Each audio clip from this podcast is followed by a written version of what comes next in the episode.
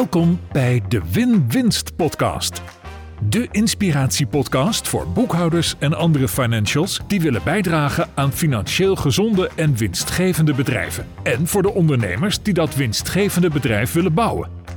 Femke Hogema gaat in gesprek met experts en ze deelt haar eigen kennis en ervaring.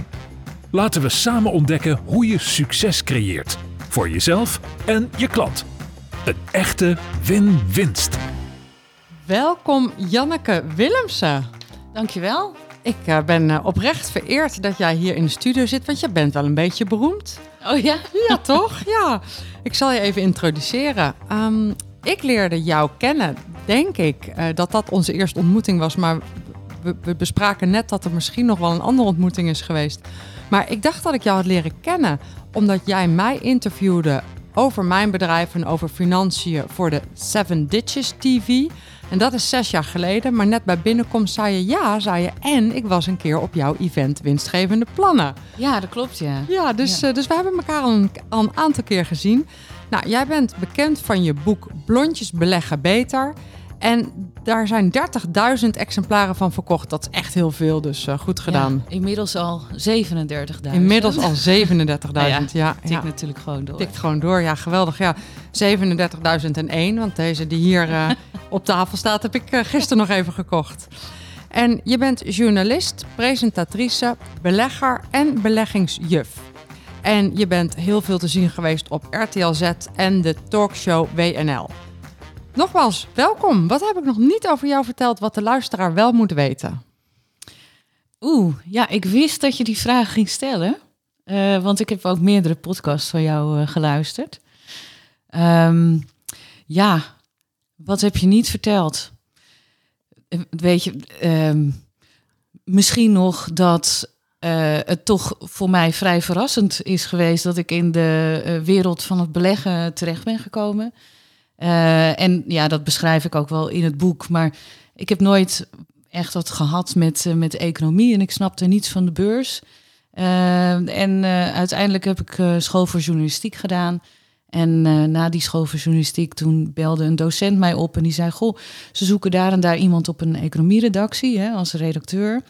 Ehm, en toen dacht ik in eerste instantie: waarom denk je nou aan mij? Uh, maar toen zei hij, ja, maar je kan het toch altijd even gaan praten? Ja, oh ja, oh ja, tuurlijk. Ja, en toen ja. ben ik daar gaan praten en dat, ja, dat vonden we wel klikte heel erg goed. En uh, toen ben ik daar ook gaan werken. En uh, ik, ik schreef van alles over dus bedrijven. En ik wist er geen bal van. En daarin ben ik trouwens niet uniek, want de meeste financieel journalisten weten er eigenlijk niks van als ze, als ze beginnen. Nee, want als je journalist wordt, heb je meestal niks met cijfers. Nou, weinig journalisten hebben meteen iets met cijfers, Precies, inderdaad. Ja. Maar ja, dan uh, opent zich toch een hele wereld. Hè? Als je daarover gaat schrijven, dan een, een wereld waarin je, je totaal in mag duiken. En, en ja, je helemaal kan laten gaan in de zin van je nieuwsgierigheid de vrije loop laten. En erachter komen van waarom neemt een bedrijf bepaalde beslissingen?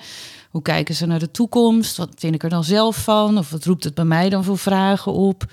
Ja, en als journalist mag je natuurlijk allemaal vragen. Mag je dat allemaal vragen? En omdat je geen expert bent, kun je het als journalist voor de, voor de lezer, die ook geen expert is, waarschijnlijk veel duidelijker maken dan dat een expert dat kan. Vaak wel, ja. Ja, ja. het was wel grappig, want ik las dit in jouw boek, want je schrijft dat um, in de eerste twee, drie bladzijden. En um, ik herkende wel een stukje van mijn eigen geschiedenis. Want ik heb dan wel HEO gedaan, terwijl dat ook helemaal niet echt logisch was. Ik had ook sociale academie kunnen gaan doen, dat was eigenlijk het plan. En uh, toen werd ik gebeld, toen ik in mijn eerste baan zat, werd ik gebeld door iemand en die zei, wil je bij ons financial controller worden? En toen zei ik, wat, wat is dat dan? En hoezo? En dat kan ik helemaal niet. En toen heb ik, ben ik dat toch gaan doen. En uh, toen heb ik op mijn eerste, toen moest ik ook de boekhouding voeren. En toen heb ik op mijn eerste werkdag nog even gegoogeld hoe het ook alweer zat met debit en credit. Dus ja. ik herkende wel wat wat je zegt. Ja, leuk. En um, um, ja, en uh, ik zit even te kijken, want je, je, je, je schreef ook nog in je boek dat je eigenlijk zelfs niks met cijfers had. Dat je zelfs, uh, nou ja, niet kon hoofdrekenen. Dus je komt echt ja. wel ja, echt als, als, als, als, zoals je zelf zo leuk zegt, als blondje in de wereld. Zeker. In de financiële wereld. Ja, en dat heb ik natuurlijk ook geadopteerd als geuzennaam. Ja. En toen ik hier naartoe reed, toen was ik daar ook nog over aan het nadenken. Want uh, nou, op, de, op de basisschool of lagere school heette dat toen nog gewoon. Uh, toen kwamen ze erachter of, dat ik uh, ja, niet kan automatiseren, dus met hoofdrekenen. Dus ik ga iedere keer, als je zegt 7 keer 8, dan ga ik denken... Hmm, ja, 8 en 8, dat is dan 16. Of ik begin met 10 keer 8 en dan ga ik daar weer wat van aftrekken. In stapjes. Dus ik ga dan steeds weer het probleem ontleden. In plaats van, joh, uh, het zit gewoon zo in elkaar. Ja. dus dat automatiseren is voor mij een, ja, een, een handicap, zou je kunnen zeggen. Uh, van de andere kant zat ik dus net in de auto te bedenken dat ik dat op meerdere vlakken heb. Dat, het, dat ik heel graag van alles gewoon heel graag wil snappen. Ja, maar waarom is dat dan zo? En bijvoorbeeld ja. ook met onder andere boekhoudprogramma's van hey, waarom, waarom gaat dit nou daarheen? En hoe is dat verschil ontstaan? En ja, je kunt het allemaal accepteren. Dat doe ik dus niet snel. Ja, mooi is dat. Ja. Nou, la laten we daar dan ook even heen gaan. De ondernemer en haar boekhouding. Want jij bent ook ondernemer. Hoe heb jij je boekhouding geregeld? Ik heb het heel lang allemaal zelf in zelfgeknutselde Excel gedaan. En dus dan uh, ieder bonnetje wat ik had, dat typte ik over met de datum en waar ik het had uitgegeven en waarom. En natuurlijk het bedrag uh, uh, ex BTW en de BTW. Um, en daar was ik wel heel erg lang altijd mee bezig. En dat is ook wel een beetje een handicap voor mij. Kijk, als je zo te werk gaat, dan uh, kost het ook allemaal heel veel tijd. Ja. Maar het leverde voor mij ook wel op dat ik uh, ja, inzicht en, en een gevoel in elk geval van grip erop ja. had. Um, en nu ben ik pas sinds begin 2022 ben ik op een uh, heel leuk automatisch boekhoudprogramma overgestapt, waar ik super enthousiast over ben. Uh, en ja, nou ja, dat, dan gaat er ook weer een wereld voor me open. Dat vind ik heel leuk hoe dat ding dan alles zit te boeken met kruisposten. En dan denk ik, oh ja, eigenlijk hoort het zo natuurlijk. Ja. En, en welk boekhoudprogramma werk je nu mee? Ik gebruik Jort. Oh ja, ja, ja, ken ja. ik. Heb ik wel, uh, of ken ik, ken ik van horen zeggen. Wat, uh, wat, wat grappig. Dus heel lang in Excel. En ik snap wel de, je, je ziet dan wel alles gebeuren, dus dat helpt. Maar wel goed dat je bent overgestapt op online. Ja, nou, het, en het scheelt zoveel. En met name dat uh, ik loop nog steeds mijn rekeningen langs hoor. Om te kijken. Ik, heb, uh, ik ben een eenmanszaak. Ik ben, maar ja. ik heb een eenmanszaak en ja. ik ben nog een privépersoon. Ja. Um, maar dan heb ik dus een privé betaalrekening. En daar zijn toch een aantal uh, kostenposten die daar nog van afgaan, omdat ik bij sommige dingen per se met creditcard moet betalen. Nou, die creditcard heb ik dan weer privé. Dus dan moet ik toch even doorheen lopen van wat is dit ook alweer. En die uh, andere, die zakelijke rekening, dat gaat vrijwel automatisch. Ja, dat gaat automatisch. Ja, behalve dan met de PayPal uh, ja, dat dingen. Dan moet gedoe. je weer uitzoeken, wat is dit nou weer? Ja. ja. Stuur jij op cijfers?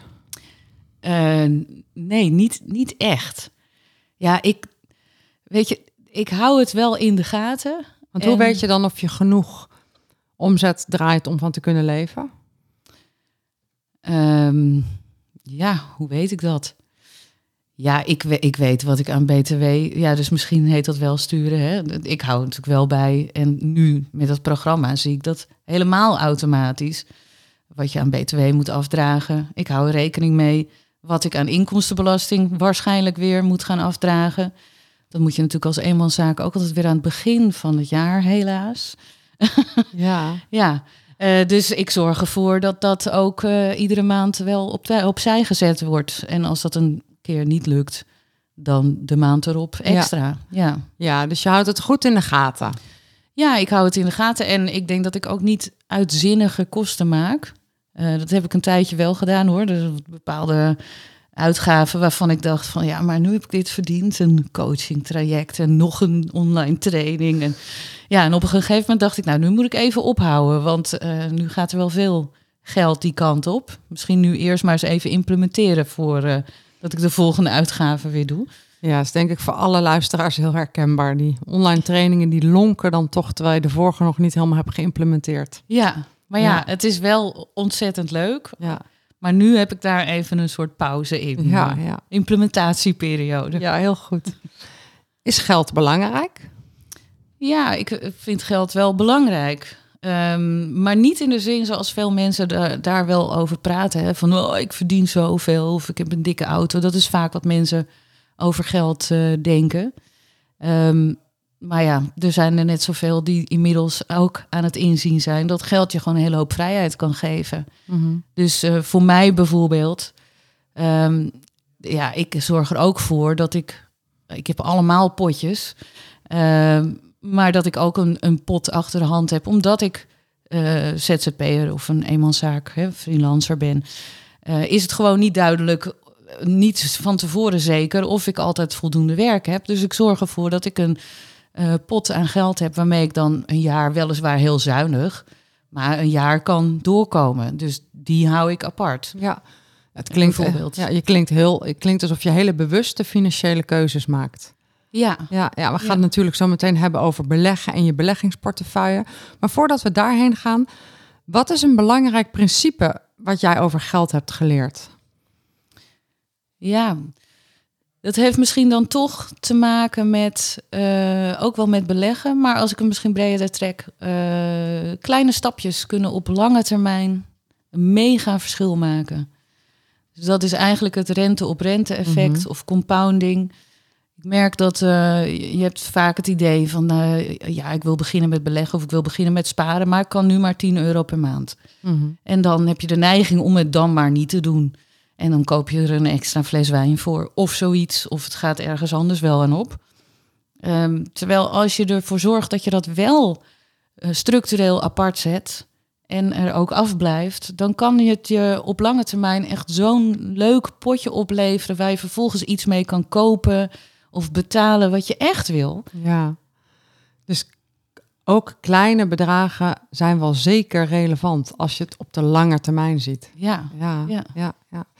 En heb jij wel eens een overtuiging gehad over geld waar je afscheid van hebt genomen toen je ouder werd? Nou, misschien heb ik er nog niet helemaal afscheid van genomen. Dus, eh, soms, als je dan iets voor jezelf koopt, dus bijvoorbeeld zo'n online training, bijvoorbeeld. eh, terwijl die ook zakelijk is natuurlijk, voel ik me toch altijd nog schuldig. Dat ik, ik ja, ik ben geen kniert. Ik kan rustig iedereen eh trakteren. En eh, f- als, als iemand jarig is dan, eh, en ik zie iets leuks en dat kost even wat meer dan zal ik daar ook niet moeilijk over doen. Of vakanties of weet ik veel. Maar zodra het iets is voor mezelf, blijf ik het toch heel lastig vinden. Toch een beetje dat Calvinisme van, nou ja, eh, is dat nou echt nodig? Dus Ja. ehm, ik heb er nog niet helemaal afscheid van genomen van die overtuiging dat het niet nodig is. Maar ik, ik werk eraan. Je werkt eraan. Mooi. De expert aan het woord. We willen natuurlijk alles weten over beleggen. Ehm, tien jaar geleden startte jij de website Blondjes Beleggen Beter. Wat was daar het idee achter? Ja, er kwamen eigenlijk meerdere dingen samen. Eh, het ene was, ik, ik was al eh, nou best een aantal jaar in loondienst. En, eh, en- en ja, ik werd eigenlijk steeds meer gefrustreerd. ehm, en ik wilde voor mezelf gaan beginnen. En met name als presentatrice. Ik had al die jaren allerlei banen gehad in de financiële journalistiek. Ehm, en dat presenteren, dat was er toevallig een keer bijgekomen. En dat vond ik eigenlijk nooit een baan. Ja, weet je, dat was, eh, ja zeg, eh, presenteren, daar maak ik toch geen carrière van. Eh, dat is een beetje tekstjes oplezen. Eh, nu zie ik dat toch echt wel heel anders. Eh, en toen dacht ik ook op dat moment van, nou, ik wil dat een kans geven. Ik wil daar helemaal voor gaan. Dus ik wilde ontslag nemen en me dan echt daarop gaan richten. Maar ja, als je dan ontslag neemt en ehm, met name zou ik me gaan richten op eh, dagvoorzitterschappen. En ik presenteerde toen ook al dingen voor RTL Z.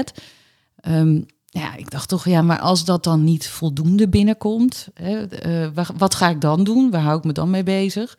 Dat was één reden dat ik dacht, nou dan ga ik een blog beginnen. De andere reden was dat ik op dat moment ook voldoende geld had eh, opzij gezet, al gespaard. 20.000 euro waarvan ik dacht, nou, daar wil ik wel nu eens een keer serieus mee gaan beleggen. Ja, en toen dacht ik, ja, dat lijkt me leuk om daar dan ook over te gaan bloggen. Dus ik, ik had, weet je, dus ik had er ook tijd voor dan Ja. op dat moment. En toen heb ik eigenlijk, eh, ja, dat idee van blondjes beleggen beter. Ik dacht, nou, als ik het ga doen, gaat het vast helemaal fout. Heb ik meteen die URL eh, geregistreerd en ik dacht, nou, hupsakee, ik knal het gewoon online en dan kan iedereen zien hoe het een blondje, dus een totale nitwit eigenlijk voor mijn gevoel, eh, op de beurs vergaat. Of het goed gaat of slecht gaat. En als ik er wat van leer, dan kan iemand anders er wat van leren. Want je had in je carrière als, als redacteur op de economie, eh, redacties en zo, had je veel geleerd over bedrijven, had je ook veel beleggers ontmoet en geïnterviewd. En dit was het moment waarop je dacht, nou, nu maar eens kijken of ik het zelf ook kan. Ja, ja. Ja. En, kon je het? Ja, eh, het bleek dat het hartstikke goed ging. En het is al die jaren ook, eh, ook heel erg goed gegaan. Ja, want die 20.000 euro, als ik het goed begrijp, heb je, ben je daarmee gaan beleggen. En dat, dat, dat geld, dat heb je een aantal jaar achter elkaar belegd. Ben je nu nog steeds mee bezig, maar daar heb je nooit meer nieuw geld aan toegevoegd. Nee, nooit meer aan toegevoegd. Nee, dus dat eenmalig 20.000 euro, dat is een openbare portefeuille. Dat Ja. klinkt nu alsof mensen daar dingen uit kunnen halen, maar je hebt, dat, je hebt het publiekelijk Nee, gemaakt. maar iedereen kan dat gewoon zien, dat gewoon hoeveel zien. ik eh, daarin Ja. heb zitten en wat ik er Ja. precies voor gekocht heb. En, superleuk. eh, ja. En dat is nu hoeveel waard? ja, die 20.000 is nu rond de 70.000 euro waard. Ja. Het is ooit een keer 80 geweest. En eh, ja, het was dus in eh, zeven jaar was het al verdrievoudigd. En eh, een jaar later was het verviervoudigd. En toen hebben we dus weer even een terugvallen. Ja, hebben terugval gehad. Nou, dat zijn natuurlijk wel hele hoge rendementen. hè? Waanzinnig. Ja, Ja, en ik vind het dus ook heel grappig. Want kijk, veel Nederlanders en misschien ook wel Nederlandse media en daardoor doen Mhm. wij het allemaal, kijken allemaal naar de AIX. Ja. Dus ik vergelijk ook met de AIX-index, ook om een beetje een idee te krijgen van nou, als de AIX, dus het Nederlandse beursgemiddelde, het goed doet, doe ik het dan beter of slechter? ja. En over die hele periode doe ik het echt veel beter. En wat voor mij ook echt een grote verrassing is. Ik moet er wel ja. bij zeggen, het is echt niet elk jaar het geval. Hè? Nee, ik heb het gezien. Ik heb het gisteren even bestudeerd en ik zie dat je echt een heel hoog jaar hebt, maar ook echt wel flink gedipt. En eh, Ja. ja, en ehm, wat heb je dan goed gedaan de afgelopen jaren? Ja, dat blijft lastig te beoordelen hoor. Want in het begin eh, nam ik best wel grote risico's. Eh, In het begin vond ik het sowieso lastig om iets te gaan kopen. Ik had dat geld gestort. Eh, Wat moet ik er nu voor aankopen? Ja, want dat, eerlijk gezegd, vind ik dat best wel een dingetje. Want toen ik begon met beleggen, dat is nu twee of drie jaar geleden, begon ik gewoon met 100 euro, niet met 20.000. Dus hoe, waar haal je Nee. dat lef vandaan om met 20.000 te beginnen? Ja, ja ik weet niet. Tij- tijdelijke aanval van de gekte. Ja, Ja, nee, de, eh, weet je, een, aantal jaar daarvoor, eh, toen ik beursprogrammaatjes op internet presenteerde, toen ben ik eigenlijk begonnen met 300 euro. oh ja, ja, En, en toen heb ik echt wel, dus eigenlijk is dat mijn eerste echte begin ja. geweest. En, en wat ik toen deed was echt, eh, ja, echt klooien. Dus eh, eh, iemand die ik geïnterviewd had, zei: eh, olie gaat naar zoveel dollar, dus gaat stijgen. En dan dacht ik: oh, dan koop ik een turbo op de olieprijs. Nou ja, de ene keer ging dat goed en de andere keer natuurlijk niet. Maar omdat ik het toen maar met 300 euro in totaal deed, ja, ach. Was niet zo'n groot risico Nee. natuurlijk. En dat is natuurlijk gewoon leergeld. dat is je leergeld. Dat is op Ja. zich verstandiger, denk ik, om met 300 euro te gaan spelen dan met Zeker. 20.000. Ja. En, wat, maar, en dan terug naar mijn vraag. Wat heb je dan goed gedaan in die 20.000? Ja, ehm, ik heb dus echt wel, nou dat was het, dat eerste jaar heb ik toch, hoewel ik het moeilijk vond, op een gegeven moment mezelf een schop gegeven van nou en nu koop je maar wat. Ja, is dat slim geweest? Nee, maar dat is wel ook wel weer wel goed geweest, want doordat ik, op een gegeven moment kocht ik ook gewoon Marcel, van ja, eh, iedereen heeft dat, dus ik dan ook maar. En dan is het geld in elk geval belegd, want dat is natuurlijk wel belangrijk. Als je wil gaan beleggen, is niet zo slim om het dan daar te laten staan terwijl je het nergens ingestoken hebt. Ehm, dus ja, toch maar begonnen. En dan als tweede veel geluk dat ik ook goede bedrijven heb uitgekozen. Ik heb bijvoorbeeld eh, ASML ook al heel erg lang. Dat, eh, dat het bedrijf, ja, dat heeft het zo waanzinnig goed gedaan in die hele periode. Ehm, maar ook bijvoorbeeld een aandeel als Netflix heb ik ook al jaren. Ja. Eh, ja, dat heeft me ook heel veel rendement opgeleverd. Dus eh, ik heb overigens ook Galapagos gehad, maar die heb ik al helemaal in het begin gekocht. Dus toen stond die, nou gemiddeld, ik heb twee keer gekocht op eh 18,5 euro, zoiets. En op een gegeven moment is de koers van dat aandeel verdubbeld. Stond het rond de 40. Toen heb ik de helft verkocht. Toen ineens dacht ik, oh, het is zo risicovol. Weet je wat, ik, ik verkoop de helft, dan heb ik mijn inleg eigenlijk weer terug. En dan wat er nog in zit, dan durf ik dat te laten staan.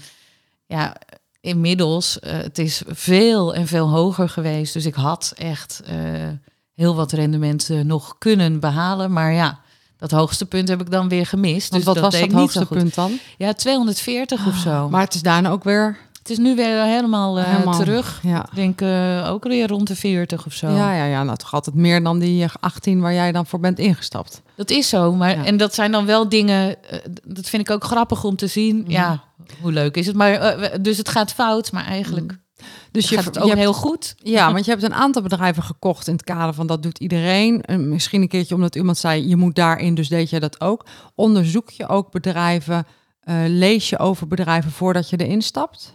Ja, ja, met sommige dus aandelen aan het begin niet. Eh, maar eh, daarna heb ik dat absoluut wel gedaan. Ja, En waar kijk je dan naar als jij gaat lezen over bedrijven om te beslissen of je erin wil investeren? ja ik vind het eh, wel, wel altijd wat lastig. Ik heb niet echt een heel gestructureerd proces daarvoor. Hoewel, kijk, ik kijk naar eh, cijfers die gepubliceerd zijn. Dus eh, jaarcijfers, kwartaalcijfers. Bedrijven zijn verplicht om dat te doen. Beursgenoteerde bedrijven eh, geven ook altijd zelf verwachtingen af. Nou, wij denken dat onze markt of onze omzet dit jaar zoveel gaat groeien. Ehm, Ja, de zogenaamde winstverwachtingen. ja, Ja. precies. Ja. En dan gaan ze vaak ook aangeven waar de uitdagingen in hun markt zitten, zelf al. Dus dan, dan probeer ik daar ook wat meer nog over te lezen. Als eh, bijvoorbeeld eh, een eh, grote klant van ASML problemen heeft, dan ga ik toch weer ja, met Google aan de slag. Van nou, hoe denken anderen daar dan over? Hoeveel effect zullen die problemen dan hebben op bijvoorbeeld een aandeel als ASML weer? Wat denkt ASML er dan zelf over? Nou ja, zo wordt het eigenlijk een grote brei. En je kan ook veel op eh, eh, online vinden, ook over wat analisten vinden. Dus mensen die eh, geschoold zijn Ja, ja, op ja. dit gebied. Ja. Overigens, dat zijn ook maar meningen. Mhm. Dat is ook een, wel een belangrijk inzicht wat ik heb opgedaan hoor, in al die jaren. In het begin denk je van, oh ja, ik, ik weet er niks van. En analisten weten het zeker, want dat lijkt soms zo. Omdat die dan een heel keurig rapport met allemaal getallen... en dan zeggen ze de koers gaat naar, hè, of ons koersdoel is zoveel. Ja, maar dat is dan niet geen zekerheidje. hè. Het is nog steeds blijft het een inschatting. Ja, niemand kan Ja. in de toekomst kijken. Nee. Nee. Dus ja, ik kijk naar eh, dat soort dingen. Hè? Cijfers, verwachtingen, verwachtingen van anderen. Ehm, ik kijk ook wel naar wat de koers nu dan doet. Hoewel ik daar ook niet per se heel veel van afleid. Maar ja, als je nou bijvoorbeeld ziet... eh, je, je zoomt een beetje uit op de koersgrafiek... en eh, je ziet dat er eh, drie maanden geleden een mega dip is geweest... ga ik toch even kijken, waarom was dat? Of juist Ja. een grote piek. Wel- Ja. Welk was er een nieuwsfeit aan te wijzen waardoor dat kwam, ja of Ja. nee? Ja. Ehm, ja, en, en natuurlijk ook wat, wat doet zo'n bedrijf? En zie ik daar dan, hè, alles bij elkaar genomen, zie ik er dan toekomst in? Denk ik dat het in staat is om verder te groeien? ja. Nou, als dat het geval is, ehm, en het liefst ook een bedrijf wat ik gewoon leuk vind om te volgen. Zoals ja. Netflix. Ja, precies. Ja, Ja, dat is toch leuk. leuk. Ja, als zij het zeggen van we gaan nog meer geld eh, stoppen in het ontwikkelen van eigen content, nou dan kan je daar iets bij voorstellen. Ja, Als je zeker. zit te kijken en je denkt, pff, de ene naar de andere KUDT-serie, die ik nu weer Ja. zie. Ja. Nou, dan denk je, misschien moet ik het toch eh, een beetje gaan verkopen. En ehm, als je gewoon luistert naar, naar, nou ja, laten we zeggen, experts die ons de leken leren om rijk te worden, dan is het het basisadvies is eigenlijk ga nou niet in, in losse aandelen, maar ga nou in aandelen mandjes zitten. Ja. Eh, en, en een aandelenmandje, daarbij volg je dan bijvoorbeeld duizenden wereldwijde aandelen. Waarom ga je dan in losse aandelen? Nou, ik ben met losse aandelen begonnen. Want in, in die portefeuille die voor iedereen te zien is uh, op, op lontjes beleggen weten, dat, dat is vooral losse aandelen en er zitten ook twee ETF's in. Ja, twee um, van die mandjes, die Exchange Traded Fund. Ja, ja, klopt. Waar dus inderdaad in de ene zitten er iets van 1600 verschillende ja. wereldwijd genoteerde aandelen en in de andere wat minder. Um, maar ik heb daarnaast dus ook nog weer een eigen potje met wel met alleen maar ETF's. En die heb je niet openbaar gemaakt? Uh, nee, die laat ik voor de mensen die mijn, uh, mijn cursus volgen. Oh, ja, slim, dus, slim. Want die hele cursus gaat eigenlijk ook over beleggen in ETF's. En wat zijn het en hoe pak je het aan en hoe kiezen ze uit, hoe vergelijk je ze. En toen dacht ik, oh, dat is wel leuk als ik het dan zelf ook ga doen. Dat mensen niet denken van, wat zit die Willemsen nu weer te vertellen? Ja. Maar dan laat ik gewoon zelf zien van, ik koop ze dan met 500 euro per maand. En hoe verdeel ik dat geld over die verschillende ETF's? Ja. Maar ik ben met individuele aandelen begonnen. Dus losse aandelen van dus een bedrijf als Ahold of Netflix of nou ja, dat soort bedrijven. Gewoon omdat ik het leuk vond. En ja, dat was voor mij het begin. Ik dacht, oh leuk. En ik heb natuurlijk wel gekeken, want je kan prima in losse aandelen beleggen. Alleen je moet ervoor zorgen dat je wel uh, je geld voldoende gespreid hebt. Dus niet al je geld in één uh, bedrijf. Dus niet alles in Ahold of 50% in Ahold en 50% in Netflix. Want dat is nog steeds weinig spreiding. Uh, dus daar moet je wel een beetje op letten. Ja. En voor mensen die dat eng vinden, denk ik altijd van... Ik merk dat zoveel mensen blokkeren. Dan denken ze, ja, maar wat moet ik nou doen? Moet ik dan in die mandjes? Maar dat vind ik saai en daar kan ik dan niet met mensen over praten. Of, en ik wil eigenlijk in bedrijven, maar dat durf ik dan niet. Ja, je hoeft niet alles in één vorm van beleggen te doen. Ook daar kun je weer spreiden. Ja. En ik denk altijd, doe lekker een potje speelgeld. Daar kan je er allemaal fouten mee maken. En dan word je wijzer van. Uh, leergeld is net een online training. Alleen, uh, ja. Alleen dan met echt geld. Met echt geld. Ja. En je, je zit het zelf uit te zoeken. En daarnaast kan je dan dat verstandig uh, in ETF's, wat gewoon Ja. een stuk veiliger vaak is. Ja. Ja. Nou ja, ik doe dat zelf ook. Ik zit eh, grotendeels in ETF's en ik heb zeker losse aandelen, maar die koop ik helemaal op basis van niks. Die koop ik omdat ik het een leuke naam vind. Eh, heb ik al een aantal keer in deze podcast ook gezegd. Maar ik heb bijvoorbeeld Roblox omdat ik het zo leuk vind voor mijn kinderen. Maar daar sta ik op 50% verlies. Ik Ja. sta op Coca-Cola omdat ik dat ook een interessant aandeel vind, omdat het kinderen dat snappen. Daar sta ik op een winst. Ik zit in Disney omdat ik denk dat dat een interessant bedrijf is, maar die draait super slecht al tijden. Ik begrijp er niks van. Want Nee. ik heb ook al, ik heb het al een paar keer op een eh, soort kooplijstje, dus een soort, ja, zeg maar glazen bol competitie. hè. Aan het eind van het jaar, dan moet je een paar aandelen noemen en dan gaan ze dat het hele jaar bijhouden en dan kijken wie, wie was de beste voorspeller. Dat ging bij mij altijd heel goed, maar nu de laatste paar jaar heb ik een paar keer Disney erop gezet, onder andere. En die doet het elke keer zo, Zo slecht. slecht? En ik begrijp er niks van. nee, nee. Nee. Nou ja, toen heb ik eh, laatst heb ik eh, op, op, aanraden van iemand ben ik eh, in Tesla gestapt. Die staat binnen twee maanden op 40% in de plus. Dus daar had ik gewoon alles op moeten zetten. Maar ja, dat weet je niet. Gelukkig heb je het niet gedaan. Want stel je voor dat het de andere kant op was. Precies, precies. Ja. Dus ik ben ook blij. Maar dat is ook speelgeld. Ik zie dat ook als. Maar het is wel leuk dat jij nu zegt: ja, ik lees wel over bedrijven. Ik verdiep me er wel in. En eigenlijk vind ik dat ook wel leuk. Dus voordat ik volgende keer weer lukraak iets ga kopen van mijn speelgeld, moet ik misschien toch eens wat over gaan lezen. Ja, maar het kan ook wel eens als een blokkade werken. Dan moet je natuurlijk niet heel echt heel dom en blond te werk gaan. Maar soms mag je jezelf ook wel toestaan. Omdat anders blijft je geld daar maar staan. Als jij denkt, nou, ik wil Roblox hebben... maar ik moet eerst 87 jaar verslagen doorworstelen... Ja, eh, Ja. dan duurt het wel even voordat je ze gaat kopen. En dan Ja. al op het moment dat je het gedaan hebt en denkt, nou, ik wil ze toch hebben, eh, dan is of net de koers weer keihard gestegen en begin je daar weer over te twijfelen. Soms moet je ook gewoon een Ja. beslissing nemen. Ja, en, en daarom is het ook zo goed om enerzijds wat veiliger te doen in, in mandjes, in ETF's.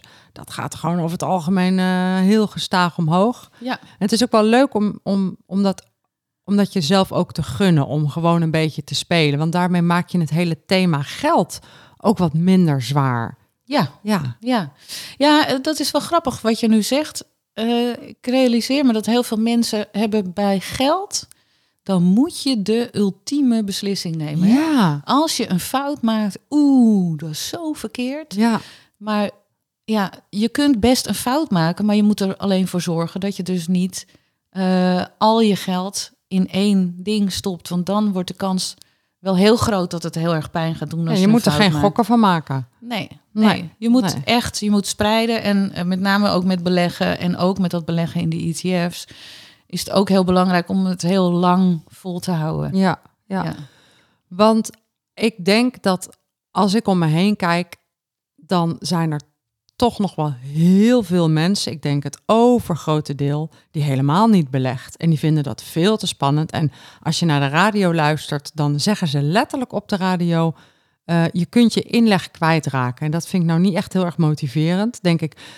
Persoonlijk denk ik, als je het op de bank zet, weet je zeker dat je het kwijtraakt. Maar daar waarschuwen ze nooit voor. Nee, klopt. Want ja. uiteindelijk het geld wat op de bank eh, staat met eh, ehm, inflatie, weet je zeker dat het uiteindelijk teruggaat naar niks. Nou ja, niks. Maar in ieder geval, je raakt dat zeker kwijt. Ehm, is dat terecht dat we allemaal zo zenuwachtig zijn voor beleggen? Dat daar zo'n angstbubbel omheen zit? Nee, ik denk het niet. Eh, ja, er hangt gewoon een sfeer rondom beleggen. Ehm, waar mensen natuurlijk ook wel baat bij hebben gehad. Van we maken het lekker ingewikkeld. Hoewel ik niet echt denk dat ze daar eh, dat, dat eh, eh, professionals daar nou echt over nagedacht hebben hoor. Van eh, het is geen complot, denk ik. Nee. Maar doordat er toch een hoop verschillende termen worden gebruikt die je als leek niet direct begrijpt of wat veel moeite kost om te begrijpen. en door inderdaad maar steeds te hameren op je kan je inleg verliezen. Overigens, volgens mij is het nu ook, het kan minder waard worden. Dus ze hebben het al een beetje aangepast. Ehm, ja, maar ja, dat is gewoon zonde. Daardoor krijgen we allemaal het idee van, oh, je, je moet eh, heel geleerd zijn om dit te kunnen. Eh, maar het blijft eh, het maken van een inschatting. En zelfs al ben jij heel goed in het analyseren van een bedrijf en, en snap je precies al die cijfers en weet je precies wat je bij elkaar moet optellen om bijvoorbeeld de echte waarde van een bedrijf, althans in jouw ogen, te berekenen. Ja, dan nog is het maar afwachten hè, of jouw voorspelling uitkomt. Ja, want vind jij dat iedereen zou moeten beleggen? Ja, ik vind zeker dat iedereen zou moeten beleggen. Helemaal als je eh, eh, zelfstandig bent. Ehm, maar eigenlijk geldt het voor iedereen. En met name ook, weet je, de, eh, de spaarrente, eh, die, die loopt nu weer wat op, maar die is natuurlijk lang laag geweest. Eh, die is vroeger ook wel hoog geweest. Maar op, als je op de lange termijn kijkt, dan levert sparen gewoon minder op dan, dan beleggen, gemiddeld. En ik denk dat als je ervoor zorgt, dus of, of het nou, ja, nee, ik denk toch het moet wel beleggen zijn. Ik wou zeggen of het nou sparen of beleggen is, maar liever dus beleggen. Je moet ook sparen voor een noodpotje, Mhm. een buffer, zodat je het meteen kunt opnemen als je het nodig hebt. Maar daarnaast dat beleggen, dat gaat je zoveel opleveren, ehm, met name op lange termijn. Dus ook als je er jong mee begint, omdat je rente over rente over rente krijgt, dan krijg je een soort sneeuwbaleffect. Dus die bal die wordt steeds groter en groter en groter. Het gaat steeds harder. Ehm, en ik denk dat je door dat ook voor jezelf te doen, eh, geef je jezelf ook vrijheid. Maar ook in de zin van dat betekent dat jij op een gegeven moment niet per se in een baan hoeft te blijven eh, die je niet wil. Mhm. Ehm, of dat je, eh, ja, als je even niet kan werken, dat je dat ook voor jezelf kan betalen. Of ehm, Ja, dat je iets voor je kinderen kunt betalen op termijn. Ja, ik denk dat het belangrijk is. Ja, en het grappige is dus, je, eigenlijk zeg je, ik vind dat iedereen zou moeten beleggen, want je, ja, je, je maakt gewoon veel meer rendement dan met sparen op de lange termijn. Eh, en toch ja, doen heel veel mensen dat nog niet, omdat het, het klinkt toch een beetje spannend en voor eh, mannen in pakken met stropdassen. Ja. Ja, Ja, dat is het niet. Maar er zijn. En kijk, als ik zeg iedereen moet beleggen, dan hoef je ook niet per se te beleggen zoals ik het doe. Hè? nee. Je hoeft het zelfs niet per se zo te doen zoals ik het doe met die, ETF's. Dus die mandjes, dat je gewoon elke maand voor een vast bedrag dezelfde dingen aankoopt. Want dat is in mijn ogen bij, ja, eigenlijk de simpelste manier van zelf beleggen. Maar er zijn ook gewoon partijen, daar maak je één keer een keuze. Die geven je zes smaakjes van wil je veel eh, eh, risico of wat minder risico en een daarbij behorend lager rendement. En dan zeg je, nou, eh, doe mij die maar. En eh, ik wil zoveel per maand. En dan schrijven ze het zelfs van je rekening af. Ja. En daar zitten iets hogere kosten aan. Maar dan ben je wel aan het beleggen. Je bent wel aan het opbouwen. Ja, dan ben je wel aan het opbouwen. Ja. En leuk is, jij zegt dan ben je wel aan het opbouwen, terwijl het gevoel voor heel veel mensen nog steeds is. En dan ga, dan ga ik dus risico lopen met mijn geld. Ja, grappig hè? Ja. Ja. Maar dat Ja. zie jij niet zo. Eh, nou ja, je loopt wel risico. Dus je moet het echt doen met geld wat je lang niet nodig hebt voor iets anders. Ja, Maar ja, nee, nee. Kijk, het punt is met, met, ook met dat soort partijen, dus je kiest dan één mandje. Meestal zijn, het- zijn dat dan indexfondsen of beleggingsfondsen, waar zij al een mix van verschillende beleggingen in hebben gestopt. ja, Eh, dus dan is je geld goed gespreid. ja. En daar rekenen ze vaak wel iets hogere kosten voor dan wanneer je alles helemaal zelf doet. Ja. Maar eh, stap daar ook gewoon lekker even overheen. Want ja, weet je, het is dus goed gespreid, dus je risico is minder en je bouwt dan wel wat op. Ik merk ook dat veel van mensen het een soort van afgang vinden. Hè? Ja, nee, maar als het zo makkelijk is, dan. eh, nee, ik, moet- ik moet wel alles zelf doen. Oh eh, ja. Maar waarom? Ja. Weet je, we, we doen toch helemaal niet alles zelf? Nee. Op andere gebieden. nou Ja. ja. waarom is Grappig, dat nodig? ja. Ehm, er zijn, als je gaat kijken en gaat lezen over beleggen, dan zijn er een aantal uitgangspunten die regelmatig terugkomen. Eh, Ik leg ze even aan je voor, dan mag jij ze even toelichten, goed? Ja. Eentje die je altijd hoort is: time in the market is more important than timing the market. Dus in goed Nederlands, tijd in de markt is belangrijker dan het ehm, dan timing, dan, dan het. eh, ja, lang belegd blijven Ja. is belangrijker dan op het juiste moment kopen of verkopen. ja, Eh, en dat is helemaal zo. Dat blijkt ook uit alle onderzoeken. En dat maakt natuurlijk beleggen ook al een stuk makkelijker als je daar aan denkt. Ehm, maar er is een heel leuk eh, onderzoek, wat ik ook iedere keer kom ik daar weer op terug. En elk jaar updaten ze dat. Eh, dan laten ze zien wat er gebeurt als je dus de afgelopen 20 jaar eh 10.000 dollar in de Amerikaanse S&P 500, dus in 500 eh, bedrijven, ook in een mandje had gestoken. ja, En wat als je nou had geprobeerd om dan de slechtste beursdagen even niet belegd te zijn? Eh, want dat is wat je wil. Je wil eigenlijk dat, nou, de beurs staat nu nog hoog, dan verkoop ik en dan morgen klapt die naar beneden. En dan koop ik weer precies bij op het laagste punt. En dan blijf ik weer, nou ja, bijna niemand kan dat. En eh, kijk, als het je wel lukt, maar dat gaat dan om twee dagen per jaar die je precies goed voorspeld moet hebben. Ja, dan heb je inderdaad een mega rendement. Maar dat lukt eigenlijk nooit iemand. Want hoe is dat nou mogelijk dat jij als enige ter wereld eigenlijk precies van tevoren weet van nou, dit is het moment dat ik even moet verkopen. moet verkopen. Dan gaat je niet lukken. En als je gewoon be- belegd zou blijven, dus gewoon blijft zitten, dan eh, eh, heb je een, echt een heel mooi rendement van ongeveer 8% per jaar. Nou, en die getallen, dat loopt dan dus enorm op in, zo'n, in de loop van 20 jaar. En als het je niet lukt, dus je zit een paar keer fout en je hebt een paar keer de, ehm, De boot gemist. ja, of juist de, de beste beursdagen gemist, waarop de beurs het meest stegen. Nou, dan eindig je echt nog met ver- verlies ook nog. Dus Ja. ja, waarom zou je dat, dat risico nou nemen Ja. en het voor jezelf zo lastig maken? Blijf gewoon lekker zitten.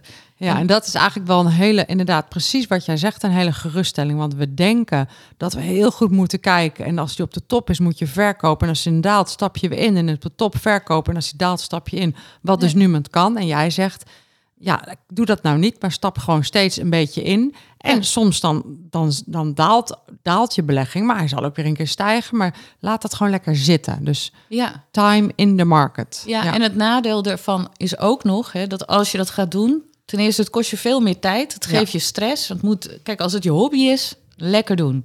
Maar ik merk dat het voor heel veel mensen juist het tegenovergestelde van een hobby is, bijna een soort fobie. Waarom zou je jezelf dan dwingen om de hele tijd achter zo'n scherm te zitten? En dan het ander is eh, dat als je dus veel gaat handelen, je betaalt altijd kosten. Ja, Dus als ik iets koop, dan betaal ik niet alleen de prijs van hetgeen wat ik koop, maar ik betaal ook transactiekosten.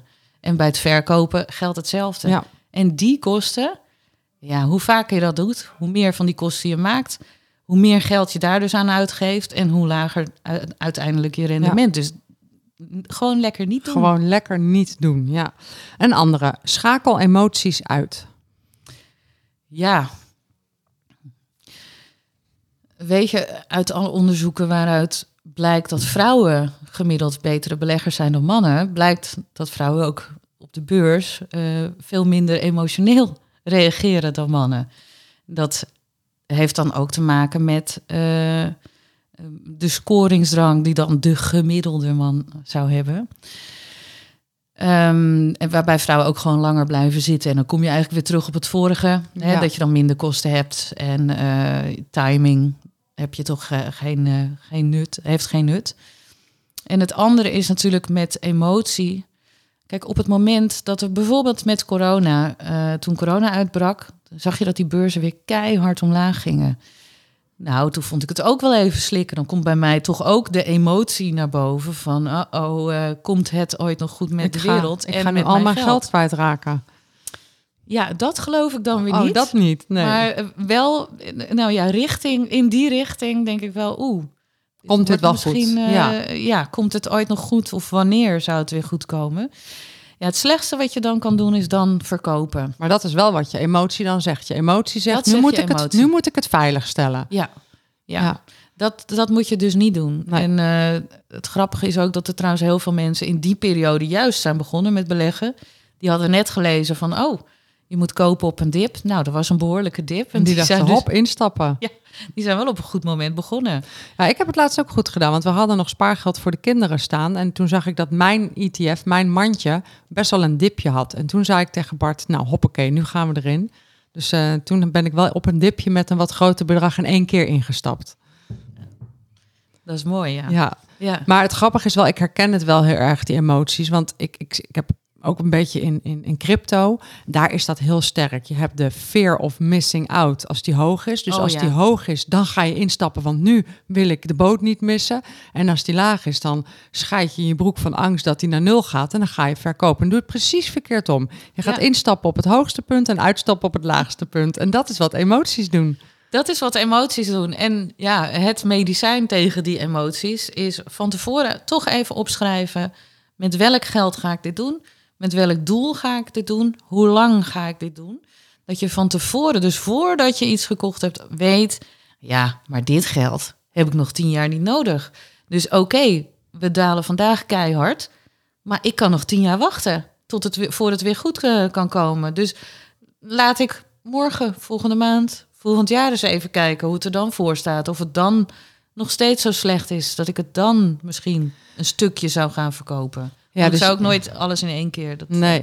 Maar jij zegt, om te voorkomen dat je emotioneel gaat handelen, is het goed om er van tevoren eigenlijk over na te denken van, wat is mijn strategie met dit geld? En dat ook op te schrijven. Ja, Ja, en weet je, ik, ik krijg zelf altijd een beetje benauwd van hele rigide plannen en structuren. Ik, ik wil altijd graag een beetje af, af kunnen wijken als ik het weer zelf wil. Maar het is wel handig om het op te schrijven en te proberen je daaraan te houden. En natuurlijk, en dat heb ik zelf ook. Kijk, ik, die, die portefeuille waarbij ik met 20.000 euro begon, was mijn idee van ik ga dat tot mijn pensioen blijven doen. Dan ga ik dat eens ergens voor gebruiken. Of dat nou is om van te leven of eh, een, eh, een caravan te kopen of zo. Maar stel je nou voor dat ik in de tussentijd iets vreselijks krijg. Of eh, hè, dat ik ziek word. En eh, dat, eh, ja, ja, je moet natuurlijk niet de hele tijd Nee. gaan doen denken. Maar stel je voor, of je gaat uit elkaar of zo. En ik denk dan, nou weet je, ik wil gewoon dit laatste jaar nog echt even helemaal ten volle met de familie leuke dingen doen. Nou, dan mag ik dat heus wel Ja. eh, van mezelf opnemen. ga je afwijken van je plan. Ja, Maar ja, dan wijkt de omstandigheid ook af van de geplande omstandigheid. precies. Dan is het Ja. wel heel anders. Ja, dan Ja. is het heel anders. Ja. Nou ja, of, of inderdaad, stel je voor dat je in de tussentijd eh, plotseling dus een ander huis zou willen kopen. Ja. En je wilt toch een aardige aanbetaling doen of je hebt het gewoon nodig. Ja. Ja, Ja, ja, ja. Eh, ik denk dat onder andere Warren Buffet dit zegt. Als je het niet begrijpt, beleg er dan niet in. ja. Ja, ja Warren Buffett die heeft altijd hele goede teksten. Ehm, maar hoe vertaal je dit nou naar een concrete situatie, vraag ik me altijd af. Want snap ik echt wat ASML doet? Nou, nee. Ik heb de indruk dat ik het enigszins begrijp, maar Ja. laat mij niet zo'n machine in elkaar zetten. ja, ik hoor wat je zegt. Ja, Ja. Ja. ja. Dus deze, hand, deze, deze geloof jij niet zo in, deze? Nou ja, misschien de, de filosofie erachter, misschien eh, zou je ook zo kunnen zien. Er zijn, er zijn ook veel eh, reclames. eh, en helaas bijvoorbeeld op Instagram. ik, mijn account wordt de hele tijd ge- gekopieerd. Dus dan doen ze mijn gebruiksnaam met nog iets erachter of een punt ertussen of zo. En dan kopiëren ze gewoon mijn plaatjes. En dan beginnen ze je berichtjes te sturen, DM's. En daarin, dat zijn altijd van die verhaaltjes van... hey, als je nu zoveel geld overmaakt naar mijn fantastische handelssysteem... dan eh, maak je gegarandeerd zoveel rendement in zoveel tijd. Oftewel, Mhm. geef mij je geld en jij wordt stinkend rijk. Ja. Nou, dat zijn wel dingen... Dat, Ja. Ik weet niet of hij daar ook misschien op gedoeld heeft... maar dan moeten echt wel je alarmbellen afgaan... als je zoiets leest, ziet, Ja. hoort... eh, doe dat gewoon niet. Nee. Blijf daar, blijf daar van weg. Eh, en, want dat is ook iets. Want als jij niet begrijpt hoe zij in zo'n korte tijd aan zo- zo'n rendement kunnen komen. Bovendien bij zo'n belofte krijg ik altijd al jeuk. Ja, de- Ja. deze valt ook een beetje in de categorie... if it sounds too good to be true, it probably is too good to be, to be, to be true. Zeker. Ja. Ja, ja. ja dan mogen echt alle alarmbellen afgaan. Nou ja, ik heb er wel eentje van, als je het niet begrijpt, beleg er niet in. Dat was eh, een hele bekende, ik ben heel even de naam kwijt, maar jij hebt er vast van gehoord. Die handelde met va- valuta, ehm trans valuta transactieverschillen in de markt. Ja, Eh, dat is nu ook wel eh, in het nieuws is geweest. heel erg in eh, nieuws. buitenlandse Grinta. Invest. Ja, ja. En die deden dan ook nog eh, een algoritme erop. Dus dan Ja. zeggen ze, nou weet je, wij hebben een computer. Ja. Eh, dus een handelssysteem automatisch. Ja. En die weet dat dan precies. Ja, Ja. ik geloof daar helemaal niks in. En- Nou ja, er is wel heel veel geld eh, mee verdiend op papier door mensen, maar dat is dan nooit uitbetaald en dat is nu allemaal verdwenen. Dus, eh, en ik heb, heb een aanbod gehad om daarin te stappen en die viel voor mij in de categorie, ik begrijp het niet en het klinkt ook too good to be true, dus ik heb het Ja. niet gedaan en die is helemaal op zijn gat gegaan. Dus eh, Dus ik dacht ook Toch dat die ook nog op Cyprus gevestigd Ja, waren. klopt. En dan heb je dus ook nog een website in het Engels. En Ja. als ik daar dan naar kijk, dan denk ik, nou, nou, dat is sowieso een goede red flag natuurlijk. Als het niet in Nederland is gevestigd, je kunt niet achterhalen wie erbij hoort, eh, dan eh, ja, is het allemaal een beetje te schimmig. ja. Ja. Ehm, eentje, deze noemde je er eigenlijk al. Hè? Spreiden, spreiden, spreiden. Die hebben we eigenlijk al een beetje gehad. En Ja. beleggen is langer termijn sport, hebben we ook al gehad. Mis ik er nog één? Een hele belangrijke, belangrijk uitgangspunt bij beleggen. Nee, nou misschien het beste moment om te beginnen met beleggen is nu. Oh ja, dat is ook een mooie. ja. Of eigenlijk tien jaar geleden. En dan het op één na het beste moment is gewoon nu. Ja. Want dat heeft ook met die lange termijn te maken. En met die time in the market. ja. Ja, ja. Ja. beste moment was tien jaar geleden en het tweede beste moment is nu. Ja, mooi, mooi. En ehm, als luisteraars nu helemaal nog niet beleggen en ze willen starten met beleggen, kun je dan, kun je dan de eerste twee, drie stappen geven aan ze? Wat moeten ze dan doen? Nou, de eerste stap is wellicht jouw boek lezen of jouw cursus volgen. En, en dan? Ja, dat zou ik natuurlijk wel Ja, leuk vinden. Ja, Maar dat mogen mensen helemaal zelf bepalen of ze dat willen doen. oké, dat is mooi, dat is mooi. Ja, Eh, nou ja, het begint natuurlijk wel met je te informeren. Eh, en het begint daarna met toch even op een kladje, of het op je telefoon of op een papiertje ergens is, toch op te schrijven van eh, wat komt er bij jou binnen? En Wat gaat eruit? Mm. Wat, waar, met welk geld zou je willen beleggen als je het wilt doen? En want er zijn, wil ik toch nog zeggen, er zijn ook mensen, ook in mijn cursus geweest, die sprak ik en die, eh, ja, ik zag zowat rode vlekken in de nek van, eh, maar ik moet gaan beleggen, want iedereen zegt dat het moet. Ja, zo is het ook weer niet. Hè? Als je er zelf heel ongelukkig van wordt en echt weet van, nou ja, dit, weet je, dit gaat mij gewoon een jaar van mijn leven kosten aan slapeloze nachten en zo. Ja, dan zou ik gewoon naar eh, een goede spaarrekening of misschien een spaardeposito waar je geld wat langer vaststaat kijken. Maar voor de rest geldt natuurlijk dat beleggen. En als je dus gekozen hebt om te gaan beleggen, schrijf die doelen op. Schrijf met hoeveel geld je dat wil gaan doen. Uh, zoek dan eens in stapjes uit van welke manier van beleggen past bij jou. Uh, van wil je dat helemaal zelf doen? Wil je dat gaan doen in van die mandjes, dus uh, ETF's, door ze bijvoorbeeld zelf te kopen? Of wil je liever die losse aandelen? Of wil je dat allebei? En het andere is, of wil je dat deels ook aan zo'n ja, lekker makkelijk geautomatiseerde partij, uh, waar je gewoon één smaakje kiest en vervolgens doen zij het voor je? Ja. Dat zijn wel de eerste stappen. Ja, dus informeer je, ga er toch eens wat over lezen, luisteren. Um, reken maar uit wat komt erin en wat gaat eruit en hoeveel wil je beschikbaar maken om mee te beleggen. Wat zijn je doelen en uh, welke manier past bij jou? Ja. Dat zijn de eerste stappen. En pas daarna gaat het dus om nou, een rekening openen die bij je past. En, en daarna kom je pas bij dat gedeelte. Welk, als je in losse aandelen zou willen beleggen, welk aandeel moet ik nou uitkiezen? Ja. Dus eigenlijk zit dat ja, toch een stuk verderop in je, dat in je zit een stuk verderop. Je moet eerst eventjes wat, wat huiswerk doen. Ja. Ja, mooi, mooi.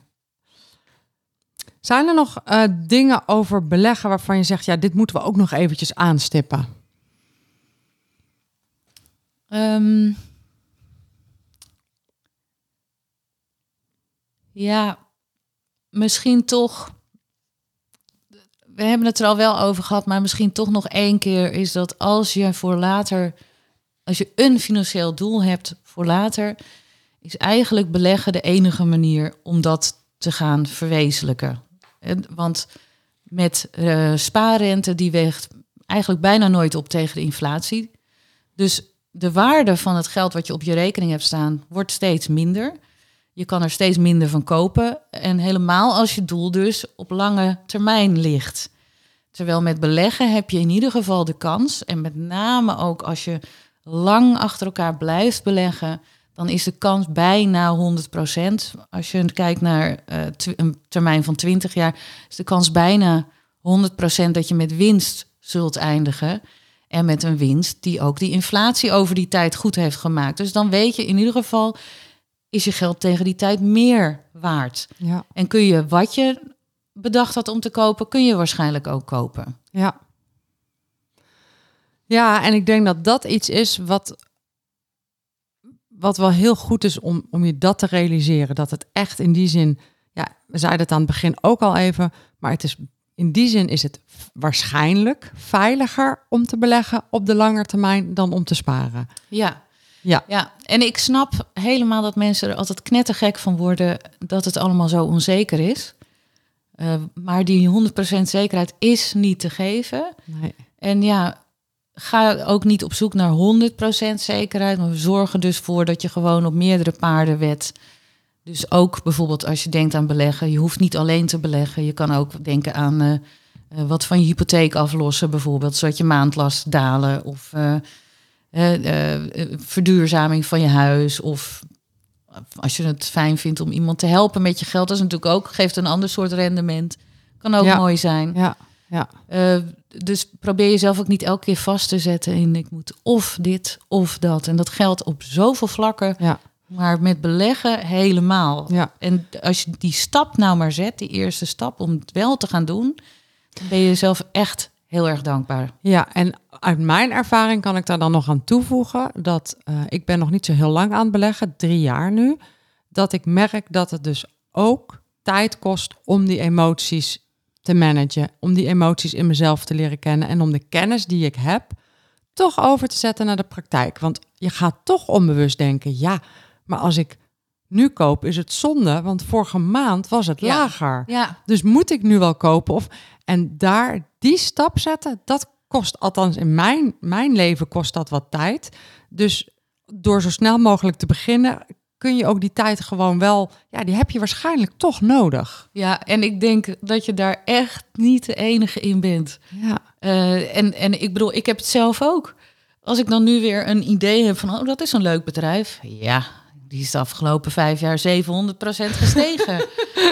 Weet je, ben je misschien een beetje laat. ben je vijf jaar te laat? Ja, En dan, als je- dan moet je echt, en dat merk ik, ook, het kost wel kracht om tegen jezelf te zeggen, ja, maar ik beleg voor de Ja. lange termijn. Ja. Eh, Dus hè, is de afgelopen jaren zo goed gegaan. Ik denk dat het nog wel een tijdje. Ja, want het is in alle gaan. eerlijkheid. Dit, daarom denk ik dat het gewoon leuk is om ook. Want ik ben het met je eens. Ik vind het ook leuk om lo- losse aandelen te hebben. Ik ben in Apple gestapt al dus drie jaar geleden. Terwijl Apple natuurlijk al gigantisch veel gestegen Ja. was. Ja, En ondanks dat sta ik ook met Apple volgens mij op 20, 30 procent in de plus. Dat is echt wel veel. ja in- waanzinnig. Ja. Ja. Dus ook aandelen die het heel goed doen, kunnen het nog veel beter gaan doen. ja, en als je het niet durft. Zul je het nooit weten. Nee, maar ook bedenk dan weer. eh, doe er een klein beetje in, hè? Ja.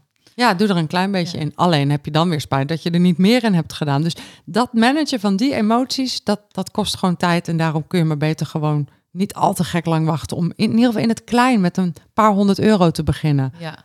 En mag ik daar nog één Ja, zeker. belangrijk, tenminste vind ik belangrijke tip. Eh, eigenlijk is het allereerste, kijk of je een spaarbuffer hebt. En punt twee, als je dan wilt gaan beleggen, kijk ook eens naar hoe je pensioen is geregeld. Eh, en of je naar verwachting straks genoeg zult hebben om eh, van te leven. En is dat nou niet zo? Ga dan echt beleggen op een geblokkeerde pensioenrekening. Want dan heb je ook nog eens een keer dubbel belastingvoordeel. Dat je en je mag die inleg van de inkomstenbelasting aftrekken. En wat er op die rekening staat, telt niet mee bij de vermogensbelasting. Precies. En voor de luisteraars die daar meer over willen weten... daar heb ik het over gehad in mijn eigen aflevering over beleggen. En ik heb het erover gehad met Thijs Verlangen. Dus daar hebben we het wel uitgebreid ook over gehad in Ja. eerdere afleveringen. Maar het, het blijft een iets wat, wat veel mensen over het hoofd zien. Dus die worden getrokken door, ja, maar ik vind het leuk om te spelen. En dan, ja, zie dit niet over het hoofd. Want het, eh, het, je wordt dan eigenlijk nog extra geholpen door de ja, Belastingdienst. precies. En Ja. vroeger, toen ik in loondienst was, toen boeide pensioen mij totaal niet. Nou, nu met terugwerkende kracht realiseer ik me hoeveel mijn werkgever bijvoorbeeld destijds heeft bijgedragen aan wat er in dat pensioenpotje terecht kwam. En nu als ZZP'er doe je dat allemaal zelf. Nou, maak dan alsjeblieft ook gebruik van het belastingvoordeel, Ja. want dan krijg je nog een beetje steun in de rug. Ja, zeker waar. De adviezen voor de financial. Dan kijken we even naar de boekhouders en accountants, ehm, naar hun branche, naar hun werk. Vanuit jouw expertise, heb je één of twee of drie tips voor boekhouders? Wat als jij kijkt naar de boekhouder, wat zou de boekhouder kunnen doen om meer winst in de breedste zin te realiseren? In tijd, geld, energie?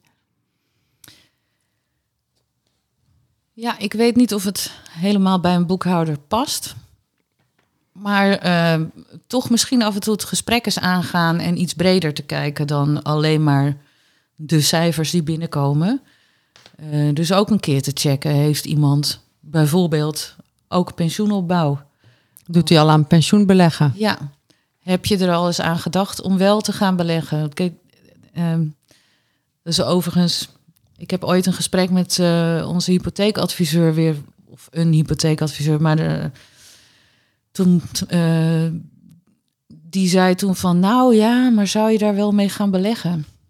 Ja, nou, dat lijkt me niet. En dit is echt alweer zoveel jaar geleden. En ik zei, ja, maar, want hij zei, dan loop je risico. Ik zeg, ja, ik had de keuze tussen sparen en beleggen. Ja. Maar ik wil hier ook risico mee lopen, want ik wil een hoger rendement. Ja. Want de hypotheek is nou bij uitstek de termijn. Je belegt dus voor 30 jaar, want zo lang loopt je hypotheek. ja. Ehm, ja, en ik snap wel waarom zo'n...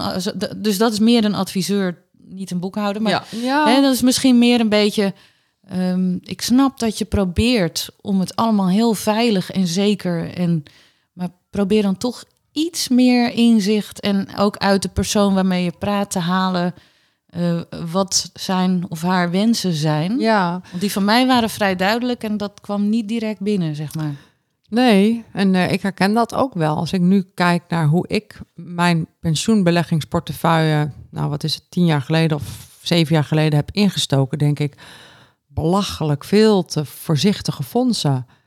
Omdat ik eigenlijk toen had moeten weten, ja, maar dat staat er nog wel 20 jaar, nog 30 jaar. Het is eigenlijk Ja. hartstikke zonde. En ik heb dat tussentijds een keer bijgesteld. Ik moet nog eens kijken hoe het er nu bij staat.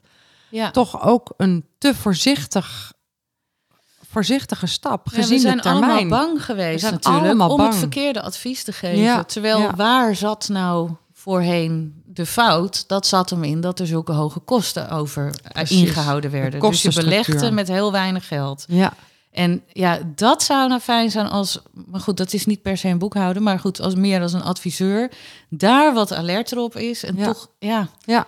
misschien iets meer meebewegen met iemand eh, die Ja. dat wil. Ja, mooie tip. Ehm, nog eentje dan over de branche. Stel, ik geef je een toverstok. Je zwaait en daarna is de boekhoudbranche zoals die volgens jou zou moeten zijn. Wat zie je als belangrijkste verandering in de branche? Goh. Ja, dat is wel een hele lastige vraag. Misschien toch het liefst iemand die iets meer naast je staat. Mhm. eh, qua boekhoud, accountancy. Maar dat kan aan mijn ervaring liggen. Hè? En naast je versus... Nou, in de zin van, eh, eh, ik als ondernemer, dat ik ook wel, ik bedoel, ik ben maar een kleine ondernemer, maar ik zou dus best wel af en toe een tip kunnen gebruiken van, ehm, ja, heb je hier wel eens aan gedacht? Zou je het niet een keer zo aanpakken binnen je bedrijf? Eh, wist je dat die en die regeling er is waar je gebruik van kan maken? Ja. ja, ik vind het natuurlijk ook leuk om dat te horen. Ja, Maar bijvoorbeeld, ik heb ooit, eh, ooit, mm, ruim een jaar geleden, een elektrische scooter gekocht. Heb ik zelf uitgezocht dat dat toen nog met subsidie kon. En dan denk ik, ja, het is toch jammer. Misschien had je een mailtje kunnen sturen met, hey, die regeling loopt af. Je kunt er nu nog gebruik van maken als je wil. En Ja. wij helpen jou daarbij. ja. Is iets meer dat proactieve, meedenkende advies. Ja, Ja, ja, en dat kan hem dus ook in kleine dingen zitten. Dat hoeven geen, geen, geen enorm grote adviezen te zijn. Dat kunnen juist ook deze kleine tips zijn. ja. Ja, ja. Mooi. Waar kan de luisteraar meer over jou en jouw aanbod vinden? Nou, alles is te vinden op blondjesbeleggenbeter.nl. Ja, En eh, nou, op, op Instagram eh, zit ik ook. Ja dat hoorde eh, ik je net zeggen. Dan ga ik ja. je even volgen. Ik denk dat ik je nog niet volg. Gewoon mijn naam en dan een Janneke apenstaartje ervoor. Ja. Superleuk. Dankjewel Janneke voor je heerlijke, nuchtere en open kijk op beleggen. Nou, jij bedankt. Vond het heel erg leuk gesprek. Super. Nou, dat is een eh, compliment van een journalist. ja, toch? Wel gemeend. Leuk, leuk, dankjewel. Je luisterde naar de Win-Winst podcast voor de ondernemende boekhouder en de ondernemer die financieel gezond en winstgevend wil ondernemen. Je helpt me enorm met een review of een ehm, mooie sterrenbeoordeling in de podcast-app waar je nu mee luistert. En abonneer je op deze podcast, dan krijg je vanzelf een seintje als er een nieuwe aflevering online staat. Heel graag tot volgende week op woensdag Win-Winsdag.